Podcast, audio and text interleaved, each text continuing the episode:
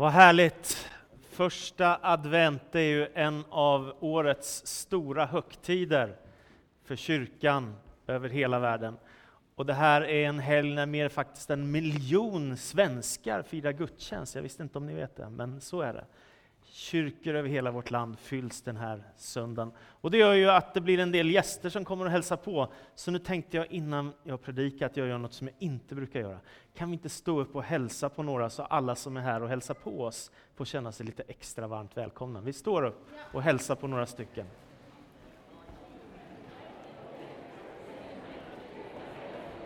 Vad härligt, tack, tack så mycket för hjälpen ska vi be en bön tillsammans om Guds välsignelse också över ordet som vi läser. Tack Fader i himmelen för att vi också får läsa ditt ord som är levande och kraftfullt, som förmår att skänka liv och frälsning, Herre. Tack för adventstiden som är ett ljusets högtid, när vi får mötas inför dig och du skänker oss nytt hopp och ny glädje. Jag ber om välsignelse över den här stunden som vi delar ditt ord också. I Jesu Kristi namn vi ber. Amen. Advent, visst är det en av de allra mysigaste tiderna på året, det tycker jag. När man får tända ljus, när man får äta god mat. Och även om inte snön har kommit, så vet man att den brukar komma och vi går mot jul. För mig är det en fantastisk månad. Det är som att man blir lite gladare i december än vad man är i november, är det inte så? Så Eh, adventstiden, den är underbar, så passa på att njuta av den med god mat, bjud hem vänner och se till att se fram emot jultiden som handlar om Jesus. Låt mig berätta en berättelse som är jättekänd. En natt så hade en man en dröm. Han drömde att han gick längs med en strand och han ser två fotspår i, i på stranden som vandrar parallellt bredvid varandra framåt. Han inser att det är han själv som vandrar tillsammans med Gud och de går sida vid sida genom livet. Och så upptäcker han efter ett tag att när hans liv blir väldigt, väldigt svårt så går fotspåren ihop och det blir bara ett par av fotspår.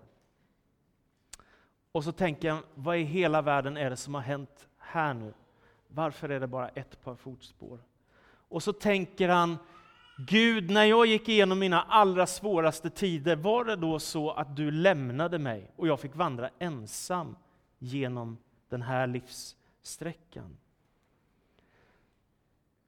Och då säger han så här, Herre du sa den gången, jag bestämde mig för att följa dig, att du aldrig skulle överge mig, utan gå vid min sida hela vägen.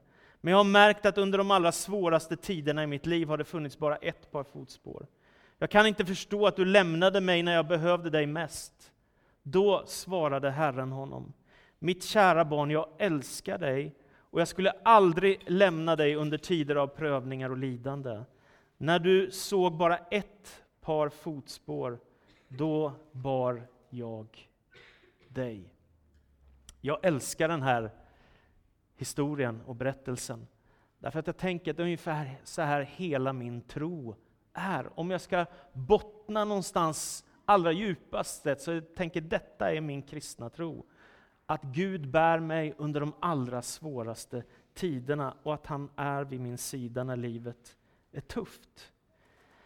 Jag tänker att det gör så oerhört mycket att veta att det finns något hopp när du blir sjuk till exempel och går till läkare och läkaren säger ja men du kan bli frisk, då får man ett hopp, eller hur?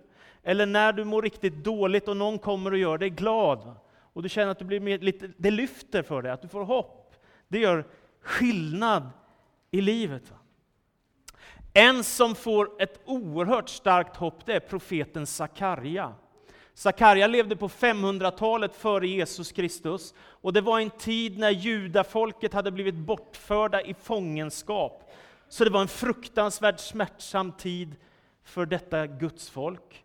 De hade ju fått ett löfte av Gud att ha ett eget land, Israels land, som Gud hade gett dem. Och så kommer babylonierna och så tar de dem och för dem bort i fångenskap och så lever de där under betryck och förtryck och slaveri och svårigheter och prövningar. Och så får den unge Sakarja ett budskap ifrån Herren att de ska bli befriade ifrån fångenskapen i Egypten. Och inte bara det, utan Sakarja är en av dem som får vandra ut i frihet, bort ifrån Babylon, tillbaka till löfteslandet som Gud hade lovat hans folk, judafolket. Fascinerande. Och sen så får profeten Sakarja, som också blir präst i Israel, han får också en syn. Han ser Messias. Och då så skriver han så här, de här orden hör vi varje år första advent. Ropa ut din glädje, dotter Sion. Jubla, dotter Jerusalem. Se, din konung kommer till dig. Rättfärdig är han, seger är honom given. I ringhet kommer han, ridande på en åsna, på en ung åsnehingst. Jag ska förinta alla stridsvagnar i Efraim, alla hästar i Jerusalem. Krigets vapen ska förintas, och han ska förkunna fred för folken, och hans välde ska nå från hav till hav, från floden till världens ände. Och det är precis den här profetian som uttalades för 2500 år sedan, som fullbordas när Jesus Kristus kommer. Man kan tänka sig vilken makt det måste ha varit till exempel i Rom, när kejsaren kommer på en vit häst och har stora följen av soldater bakom sig och vagnar och stridshästar och allt vad det kan vara. Men Jesus han ska fullborda ett profetiskt budskap som Herren har gett till Sakarja. Och därför rider han istället in på en åsna i Jerusalem. Han rider in i den här staden, Jerusalem, den stad som Gud har gett till sitt folk Israel. Och det som då händer är oerhört dramatiskt. Därför att detta är ju sagt som en förutsägelse på den dagen när Messias ska komma, som Gud har utlovat att en dag ska han komma för att befria sitt folk och för att rädda världen. Därför är det en oerhörd dramatik och det är därför, när folket ser att Jesus, han som har predikat kärleksbudskapet, han som har predikat omvändelse och frälsning för människor. Han som har botat sjuka och hjälpt människor som har varit sargade och slagna. När han sätter sig på en åsna och rider in mot Jerusalem så blir det oerhört dramatiskt. Och vad händer då? Jo, men då händer det att folk de brer ut sina mantlar på vägen och de skär kvistar ifrån träden och så börjar de ropa Hosianna i höjden. Hosianna, Davids son, välsignade han som kommer i Herrens namn. Hosianna, Davids son. Vem är David? Kung David var ju Israels kanske mest framgångsrika kung i historien, som regerar ett mäktigt rike, och han får ett löfte att en dag ska det komma en som du, en Messias gestalt. Och det är detta det handlar om, att ropa Hosianna, Davids son, välsignade han som kommer i Herrens namn. Det är dramatiskt kring Jesus från Nasaret. Det är därför han har satt djupare avtryck än någon annan person i världshistorien. Två och en halv miljarder människor tillhör en kyrka i världen och varje dag är det 100 000 människor som blir medlemmar i någon slags kyrka i världen. Det är världens största rörelse, det vi håller på med. När Jesus föds, var föds han någonstans? Han borde ha fötts i Nasaret eftersom hans familj var där. Men eftersom profetiorna ska uppfyllas så måste han skattskriva sig med sin familj i Betlehem precis när det är dags för honom att födas. Och så föds Jesus av Maria i Betlehem, precis som det står i skriften i Mika. Messias ska födas i Betlehem. När Jesus är i Nasarets synagoga och ska predika, så säger han, Herrens ande är över mig, han har smort mig att frambära ett glädjebudskap, befrielse för de fångna, syn för de blinda. Och så säger han, Idag har det som profeten Jesaja sa gått i uppfyllelse inför er som lyssnar på mig. Alltså Jesus är Messias. Och när Jesus rider in i Jerusalem så är det samma sak igen. Det som profeterna har sagt, det fullbordas i Jesus Kristus. Och det är därför jag säger att i adventstid så är Guds löften ditt stora hopp. Vad är det du har att bygga ditt liv på? Vad är det du kan bottna i på riktigt? Om livet blir riktigt tufft, om du blir jättesjuk, var någonstans kan du bottna? Var kan du få hopp? Och då tänker jag att det finns löften ifrån Gud, mängder av löften ifrån Bibeln.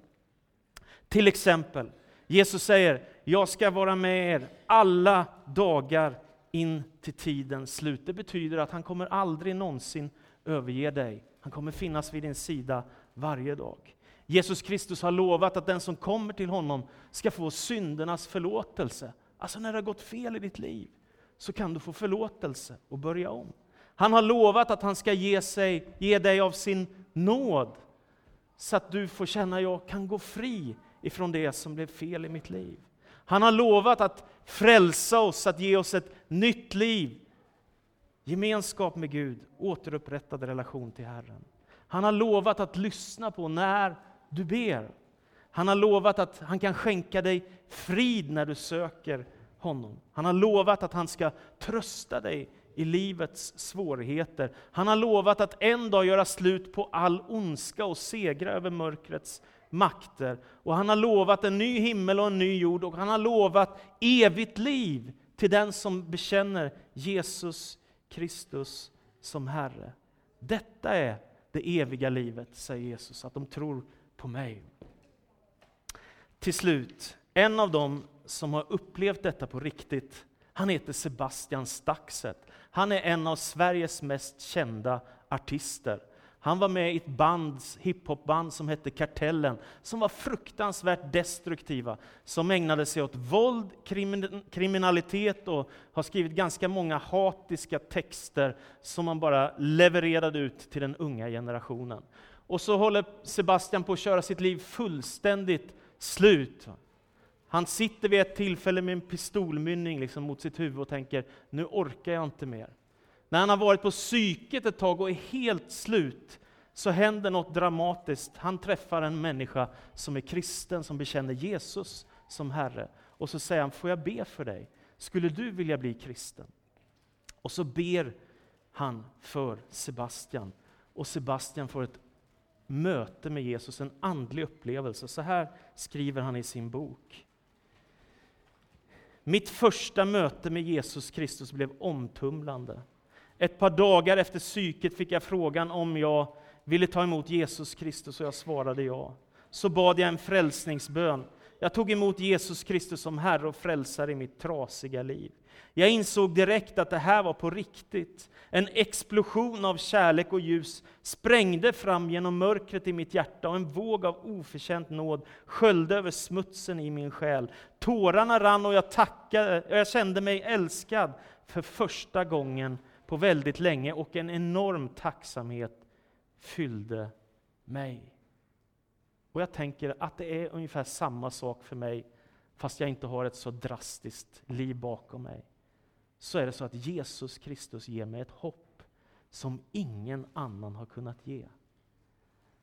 Han har gett mig ett hopp om frälsning. Han har gett mig ett hopp om välsignelse. Han har gett mig ett hopp som jag menar ingen annan på jorden kan ge. Det finns ingen som Jesus. Och därför hoppas jag att du i advents och jultiden öppnar ditt hjärta för honom som kan ge dig ro och frälsning. Amen.